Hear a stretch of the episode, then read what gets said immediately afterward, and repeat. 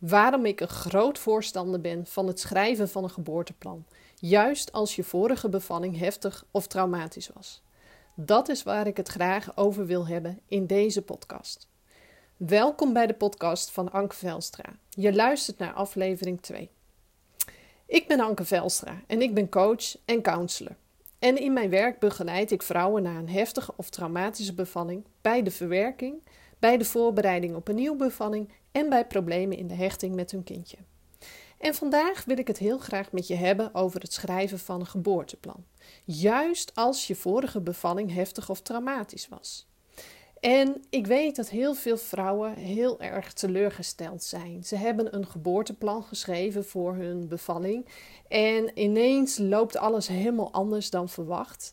En daardoor hebben heel, heel, veel vrouwen het idee van zo'n geboorteplan is maar onzin. Want uh, een bevalling loopt toch nooit zoals je hebt verwacht. Er zijn altijd onverwachte dingen. Uh, dus wat voor zin heeft het geboorteplan?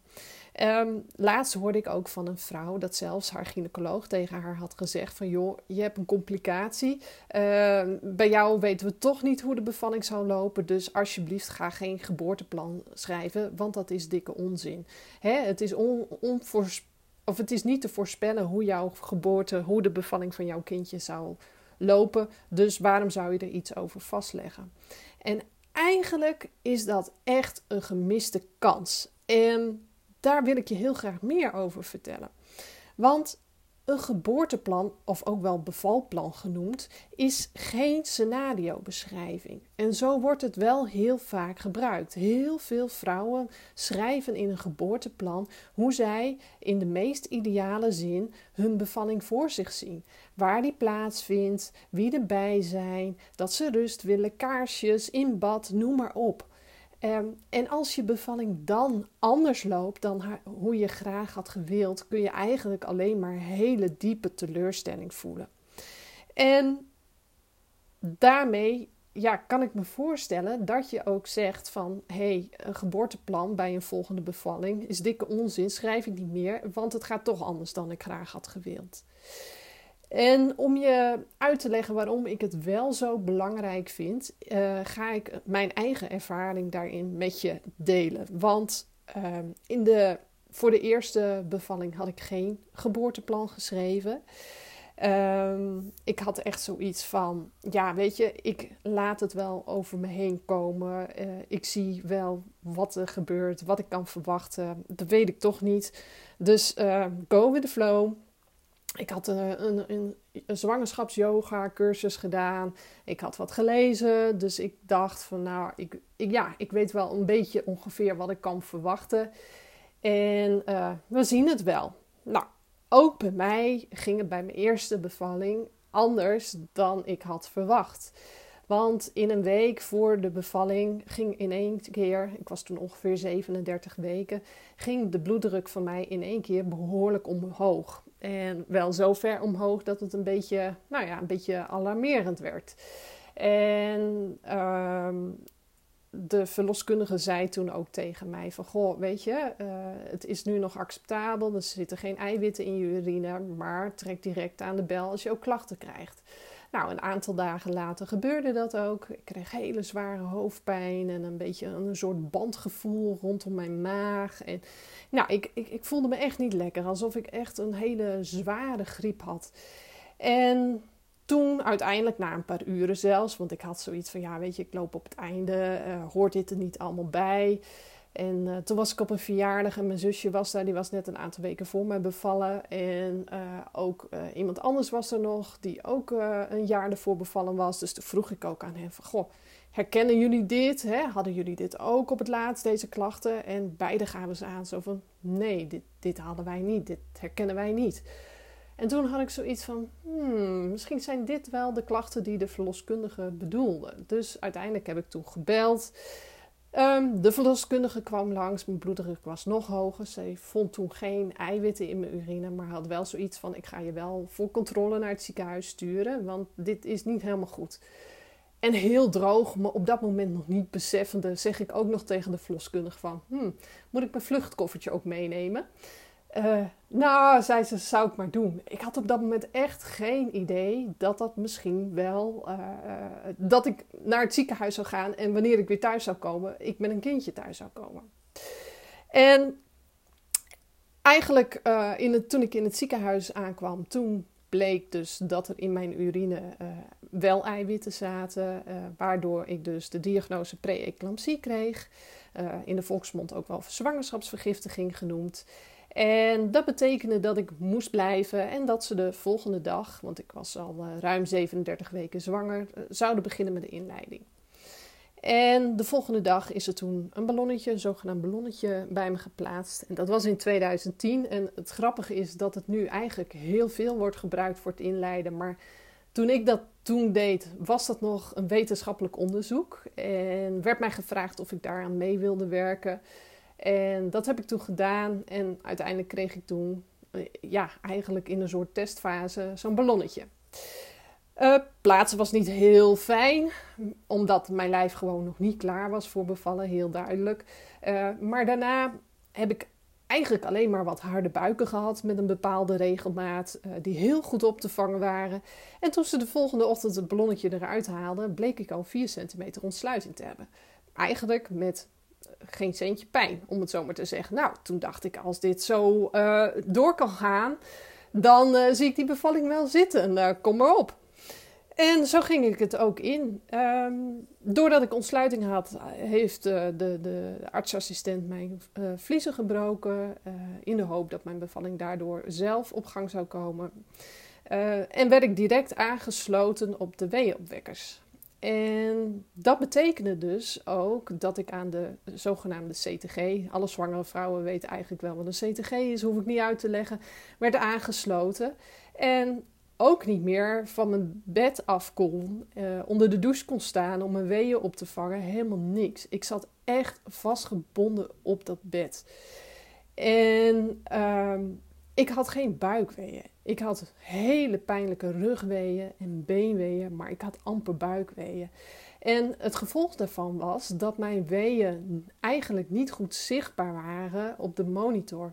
Waardoor de, de verpleegkundigen in het ziekenhuis mijn weeënopwekkers maar bleven opschroeven en opschroeven. Totdat ik in een zo'n pijnlijke weeënstorm was beland die gewoon niet meer te hand haven was voor mij. Ik wist echt niet meer waar ik moest zoeken.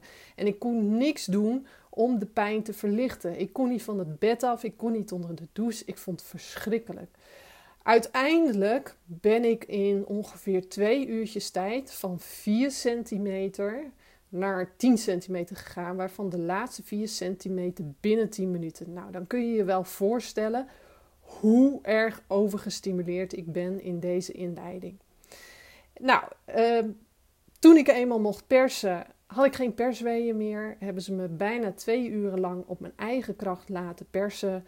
Ehm, nou, dat lukte allemaal niet. Achteraf bleek ook dat mijn kindje er helemaal scheef voor lag. Uh, hebben ze een vacuümverlossing moeten doen. Uh, nou ja, ik, ik, kan er heel veel over vertellen, maar als ik het zou moeten samenvatten, heb ik deze uh, bevalling als toch wel heel traumatisch ervaren. En niet zozeer alleen door het lichamelijke gebeuren in de bevalling, maar ook vooral hoe ik tijdens deze bevalling ben behandeld. En dat zat er met name in uh, dat, dat ik heel erg het gevoel kreeg dat ik niet goed mijn best deed, dat ik had gefaald. Uh, Um, op een gegeven moment ging ik bijna oud van de pijn tijdens het persen. Uh, heb ik uh, een tik in mijn gezicht gehad. Dat soort dingen. Dat zijn echt dingen geweest die echt op mijn netvlies gebrand hebben gestaan. En daarnaast vond ik het gewoon zo heftig, zo intens, in zo'n korte tijd. En, en, en, ja, ik, ik, werd helemaal overweldigd door de pijn van, van de weeën. En ja, het was in één woord verschrikkelijk. En ik wist ook um, dat ik zo'n bevalling, hoe dan ook, nooit weer wilde. Echt niet. Alles wat hierin gebeurde, wat hierin misgaan, dat nooit weer. Maar of dit nog niet erg genoeg uh, was, deze bevalling, belandde ik na deze bevalling in de eerste zes weken ook drie keer met spoed op de OK. Ik bleek placentaresten te hebben, uh, heb een hele heftige bloeding gehad in de auto, daardoor baarmoederontsteking, noem maar op. En ik hoorde ook van de artsen dat ik een hele grote kans had op herhaling van dit scenario. En dat heeft me vreselijk bang gemaakt. Dus enerzijds de hele heftige bevalling en anderzijds de, de kans op herhaling van dit scenario. En dat heeft er eigenlijk voor gezorgd dat ik, ondanks dat ik wel een hele grote wens had voor een tweede kindje, ik daar uh, heel lang geen gehoor aan heb durven geven. Daar is heel veel werk aan vooraf gegaan om, ja, zeg maar weer zo ver te komen om de bevalling weer aan te durven.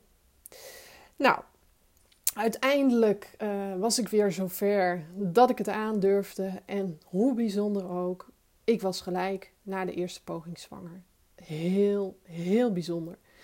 En in deze zwangerschap is voor mij, uh, heb, heb ik dus een geboorteplan geschreven. Uh, juist omdat ik heel zeker wist dat alles wat er was gebeurd, dat ik dat absoluut niet meer wilde. Uh, en het was voor mij ook een echte lifesaver. En ik wil je ook graag uitleggen waarom. Um, toen ik dus zwanger was van ons tweede kindje, uh, en dat was in uh, 2017, wist ik één ding zeker. Hè? Ik wist zeker dat ik nooit meer zo'n bevalling wilde meemaken als wat ik had meegemaakt. En als ik, ik wist dus zeker wat ik niet meer wilde, maar wat wilde ik dan wel? En vanuit wat ik niet meer wilde, kon ik dus voor mezelf, door me heel erg in te lezen, te verdiepen, uh, vragen te stellen aan mijn gynaecoloog en dat soort dingen, kon ik van daaruit een plan maken van, ja, maar wat wil ik dan wel? En daar begon ook mijn hele voorbereidingsproces op deze bevalling. En bijvoorbeeld een van de dingen die in dit plan stond was: ik wil niet meer vastgebonden zitten aan draadjes zodat ik op bed moet blijven liggen. Ik wil de ruimte hebben om me te kunnen bewegen, om de weeën te kunnen opvangen. Hè? Want ik wist dat ik sowieso weer in het ziekenhuis moest bevallen, hoe dan ook. Dus uh, dan is de kans op draadjes, op CTG, op monitoring veel groter. En absoluut was dat een van de dingen die ik niet meer wilde.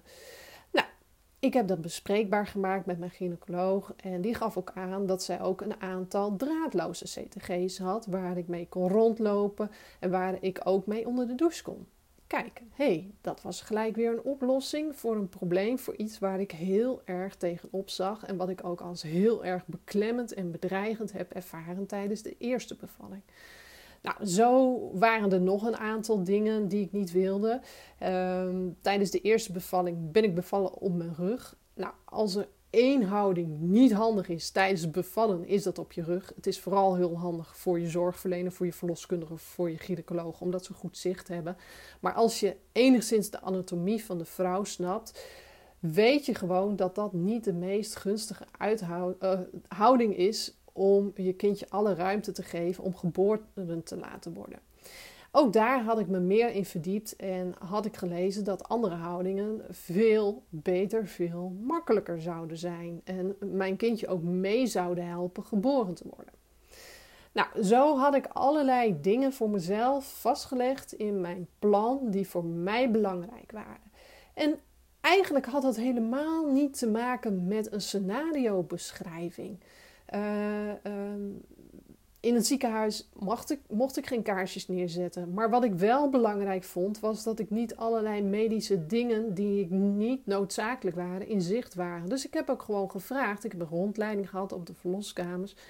Kan dat ook een beetje uit zicht geplaatst worden tot het moment uh, uh, dat het misschien nodig is? En dat was allemaal mogelijk.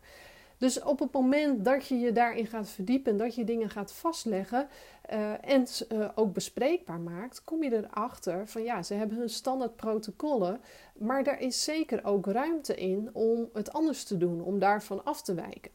Alleen dat is al een hele belangrijke meerwaarde als je een geboorteplan schrijft en daarover in gesprek gaat met je gynaecoloog of je verloskundige. Um, nou, mijn, mijn uh, voorbereidingsproces dat, uh, dat ging op gang. Hè? En uiteindelijk is daar een heel mooi, reëel geboorteplan, bevallingsplan uit voortgekomen. Ehm, maar ik was daar nog mee bezig. Ik had een aantal dingen al op papier gezet en doorgesproken, maar het was nog niet af. En ik dacht ook wel dat ik nog even de tijd zou hebben om dat te doen. Totdat die kleine in mijn buik een beetje roet in het eten ging gooien. Want ik wist dat ik vanaf 20 weken, vanaf de 20 weken echo, wist ik dat ik een zogenaamde placenta previa had. En dat betekent heel plat gezegd dat je placenta voor de uitgang ligt, waardoor je kindje er niet zo vanzelf uit kan. En dat wordt best wel heel vaak gezien met de 20 weken echo. Ja, wat is vaak? Maar het wordt wel vaker gezien bij de 20 weken echo. En in de meeste gevallen uh, trekt de placenta mee omhoog op het moment dat je uh, verder komt in je zwangerschap en je baarmoeder groeit. Waardoor je eigenlijk alsnog gewoon kunt bevallen. Dus ja, er werd bij mij ook niet zoveel uh, uh, spas om gemaakt. Weet je, het, het was zo. en we zouden bij 32 weken opnieuw kijken hoe de stand van zaken dan was. Um, een veel voorkomende complicatie bij een placenta previa is dat je als zwangere vrouw te maken krijgt met bloedverlies. Omdat de placenta op een hele kwetsbare plek ligt, waardoor kleine stukjes placenta los kunnen scheuren, uh, wat bloedverlies veroorzaakt. En dat kan met enkele druppeltjes tegelijk gaan, maar dat kan ook uh, met liters gaan. En dat is best wel heftig en ook wel heel gevaarlijk kan dat zijn, zowel voor moeder als voor kind. En toen ik uh, ongeveer 26 weken was, toen stond ik, ik stond één dag in de week voor de klas en de rest was ik aan het werk in mijn bedrijf. Toen nog voor leerkrachten die te maken hadden met uh, stress- en burn-out klachten. En ik stond voor de klas en ik ging naar het toilet en toen trof ik bloedverlies aan. Het was niet veel, maar het was er wel. En daar schrok ik best wel van.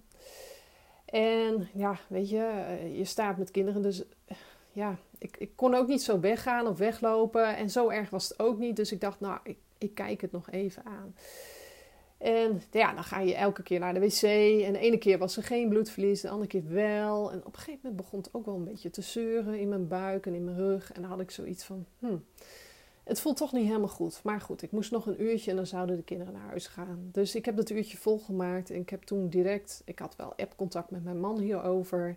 En ik heb toen direct uh, de afdeling gynaecologie in het ziekenhuis gebeld van zo en zo, uh, wat moet ik doen? Nou, die hadden zoiets, uh, kom direct langs, want dat willen we toch zelf zien en beoordelen. Dus ik, ik kwam langs.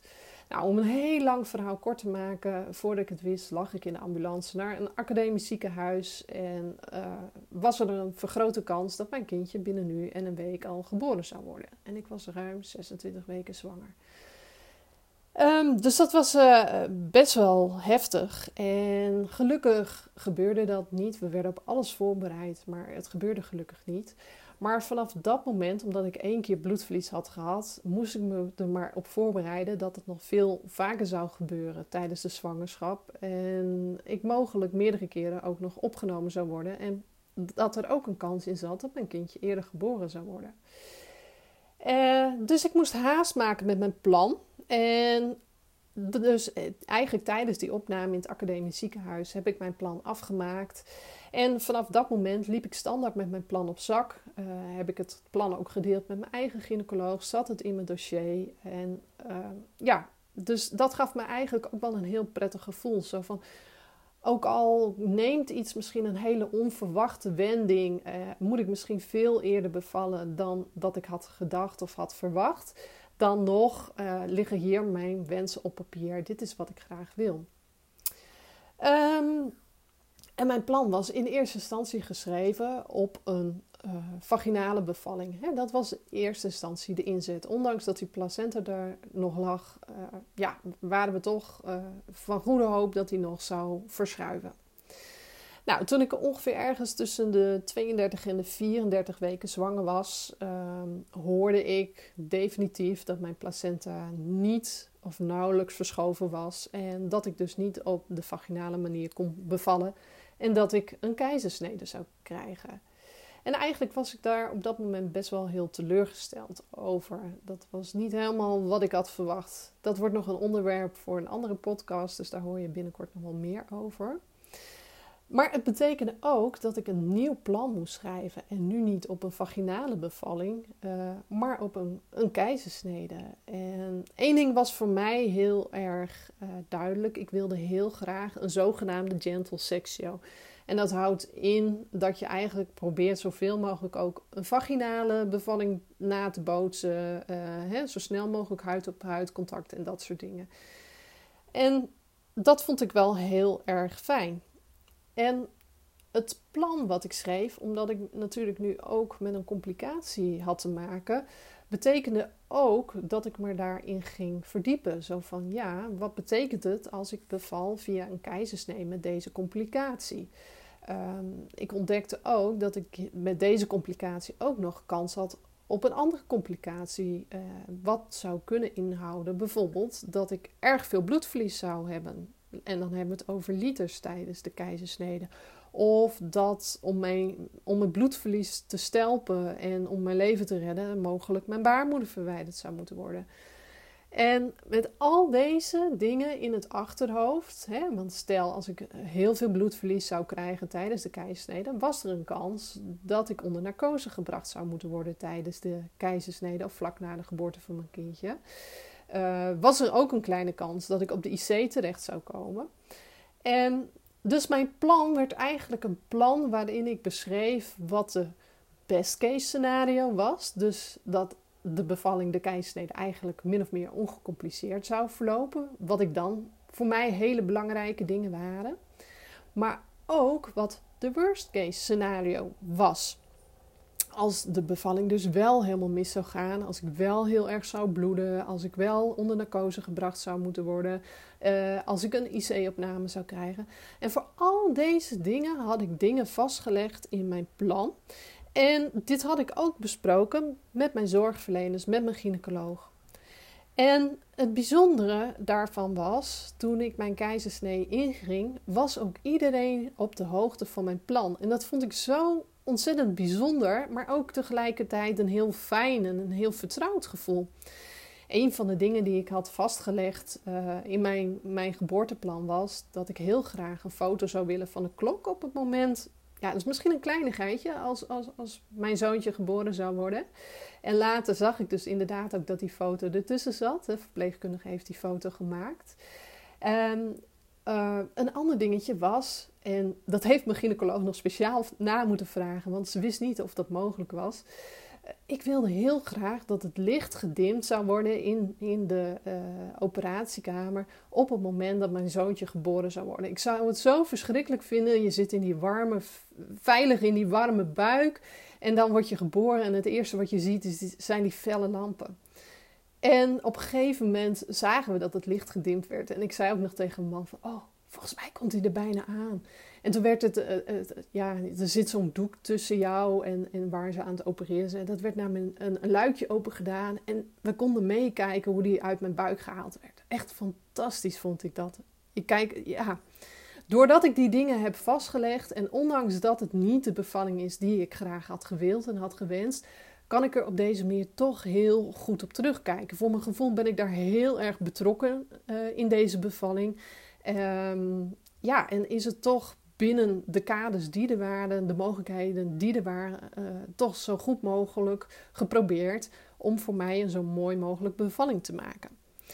En om weer terug te komen op het geboorteplan en wat ik daarover vertelde, dat ik een best case scenario had en een worst case scenario had beschreven. Nou, achteraf, maar goed ook, want het werd een worst case scenario.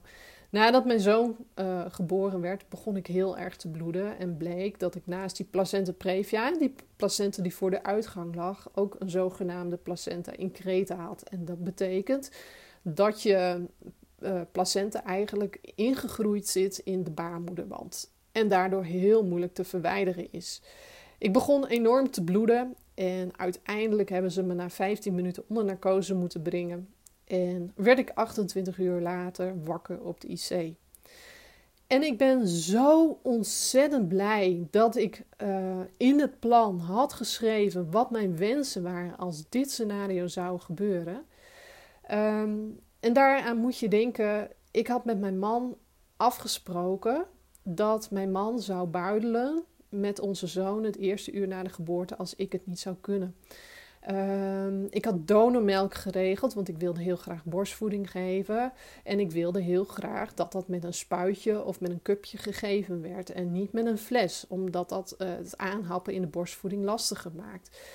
Um, maar nog één ding waar ik heel veel vrouwen over hoor als zij bijvoorbeeld uh, na hun bevalling, zowel een, een keizersnede als een vaginale bevalling onder narcose zijn geweest, bijvoorbeeld doordat de placenta verwijderd moest worden op de OK, is het, het feit dat ze dan terugkomen op een kamer en dat hun kindje gewassen is en aangekleden en in sommige gevallen zelfs al vastgehouden door familieleden zonder dat ze zelf het kindje op hun borst hebben gehad, uh, hebben kunnen snuffelen aan hun kindje, uh, het zelf vast hebben gehouden.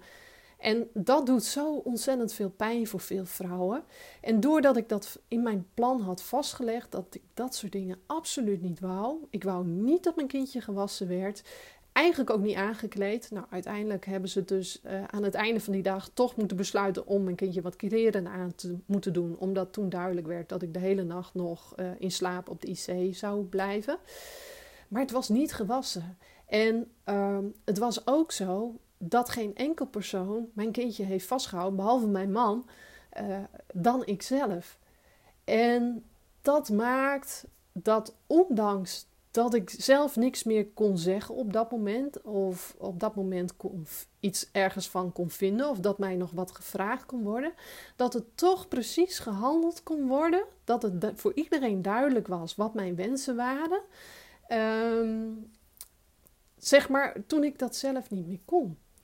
En dat heeft er echt ontzettend aan bijgedragen waarom ik terug kan kijken, op een goed gevoel terug kan kijken op de bevalling en alles daarna, ondanks dat mijn bevalling een heel heftig verloop heeft gehad. Tuurlijk, achteraf gezien, met alle kennis en wijsheid die je nu hebt, zijn er altijd nog wel dingetjes waarvan je zegt: dat had ik anders gewild of anders. Ja, had ik anders gewild. Als ik met, naar mezelf terugkijk, was, uh, waren er eigenlijk twee dingetjes die ik anders had gewild. En dat was: ik had hoe dan ook, ook al lag ik op de IC in slaap aan de beademing, had ik er totaal geen notie van. Had ik mijn kindje meer op de borst willen hebben, een aantal momenten uh, tijdens die 28 uur dat ik daar lag. Uh, omdat ik ervan overtuigd ben dat, ondanks dat je er niet bij bewustzijn bent op dat moment, je lichaam toch wel uh, als moeder zijn, als pas, ja, ook pasgeboren moeder voelt dat je kindje bij is. Wat ook een positief effect heeft op je herstel. En uh, mijn man die heeft uh, een foto van mij gemaakt, hoe ik op de IC erbij lag. Wat ontzettend helpend is geweest voor mijn eigen verwerkingsproces. Maar ik had nog wel wat meer foto's en filmpjes willen hebben van mijn zoontje van de eerste 28 uur. En dat voelt als een gemis, want die heb ik niet meegemaakt. Maar dat kan ik nu zeggen, nu ik erop terugkijk, nu ik het heb meegemaakt en ook meer kennis en wijsheid heb. Dus ik neem mezelf dat ook niet kwalijk. Het is zoals het is en ik ben al ontzettend blij dat de dingen die ik wel vast heb gelegd in het plan, dat die tenminste zijn uitgevoerd en dat ik daar ook heel goed op terug kan kijken. En wat ook heel bijzonder was, mijn, mijn man die was nou, best wel even overvallen door het feit dat dit met mij zo plotseling gebeurde. En als ik de foto ook van hem terugkijk, dat hij, dat hij met mijn zoontje aan het builen is, dan zie ik op die foto ook gewoon twee grote, een beetje verschrikte ogen. Zo. je zag echt in zijn ogen van, oh man, wat gebeurt er nu? Ondanks dat we toch wel op voorbereid waren. En um, hij wist niet meer helemaal wat er in het plan was. En de verpleegkundige die mee was van de afdeling tijdens de keizersnee, die ook de foto's had gemaakt, die was zo op de hoogte van wat er in het plan stond. Dus toen zij terug waren op de afdeling samen met mijn zoontje en uh, mijn man zou builen volgens afspraak, was zij degene die tegen hem zei van, hé hey hoor, in het plan stond dat je het eerste uur zou builen met je zoontje. Dus kom, ga zitten, uh, maak je borst vrij. Uh, ik, ik pak het kindje, ik leg het op je borst en ga lekker met hem zitten. En dat vond ik ook heel bijzonder, dat ze het gewoon allemaal wisten en het allemaal ook hebben gedaan zoals ik het graag wilde. Um, nu heb ik je een heel persoonlijk verhaal verteld over hoe mijn bevallingen zijn gegaan en waarom ik zo'n En ik denk dat door het verhaal wat ik heb gedeeld ook gelijk jou heel erg duidelijk is waarom ik zo'n groot voorstander ben van een geboorteplan en, of een bevalplan, zoals het ook wel wordt genoemd. Juist als je een heftige of traumatische bevalling hebt meegemaakt en nu opnieuw gaat bevallen. Maar ook juist als je weet van, nu al weet van mijn bevalling gaat, uh, is niet voorspelbaar, gaat waarschijnlijk anders door een complicatie dan ik verwacht. En wat is dan nog belangrijk voor mij? Uh, dus een geboorteplan of een, een, bevalplan is geen scenariobeschrijving. Want uh, een scenariobeschrijving van een ideale bevalling. Want als je dat doet, kun je eigenlijk alleen maar teleurgesteld zijn. En als een geboorteplan of een bevalplan geen scenariobeschrijving is van de meest ideale bevalling van wat je graag wilt, wat zet je er dan in? En dat vind ik best wel heel moeilijk om te beantwoorden. Want een bevalplan of een geboorteplan is heel persoonlijk. Ehm, wat voor mij goed was, uh, uh, wat ik graag wilde, hoeft niet te betekenen uh, dat dat ook hetzelfde voor jou is. Hè? Misschien wil jij bepaalde dingen wel heel anders. En als je zoekt op internet, en ik heb zelf ook een blog erover geschreven, kun je uiteraard lijstjes vinden met vragen, met onderwerpen die je in je bevalplan zou kunnen zetten. Maar dat maakt het gelijk heel algemeen en niet specifiek voor jou. En ik wil je een heel kleine tip daarin geven, een beginpunt waarin ik, uh, waar, waarmee ik start als ik vrouwen hierin begeleid, is stel dat alles anders loopt in jouw bevalling dan dat je had verwacht of dat je had gewild. Hè? Stel dat dat gebeurt. Als, als alles wat je graag had gewenst, uh, die thuisbevalling, die badbevalling, kaarsjes, weet ik veel wat, uh, als dat niet mogelijk is, alles valt weg. Wat is dan nog steeds belangrijk voor jou? Nou, een van de punten van mij was heel belangrijk dat er rust zou blijven in de operatiekamer. Ook als er uh, de complicaties uh, uh, zouden gebeuren, wanneer er, nou ja, normaal gesproken paniek zou ontstaan. Ik wilde dat er rust bewaard bleef. Zodat ik er zelf ook rustiger in kon blijven en niet meeging in de paniek, half verdoofd op een OK. En dat is gebeurd. Nou, en zo zijn er nog voor jou, hè, want wat voor mij is, hoeft niet voor jou zo te zijn, aantal dingen te bedenken uh, die voor jou heel waardevol is. Hè?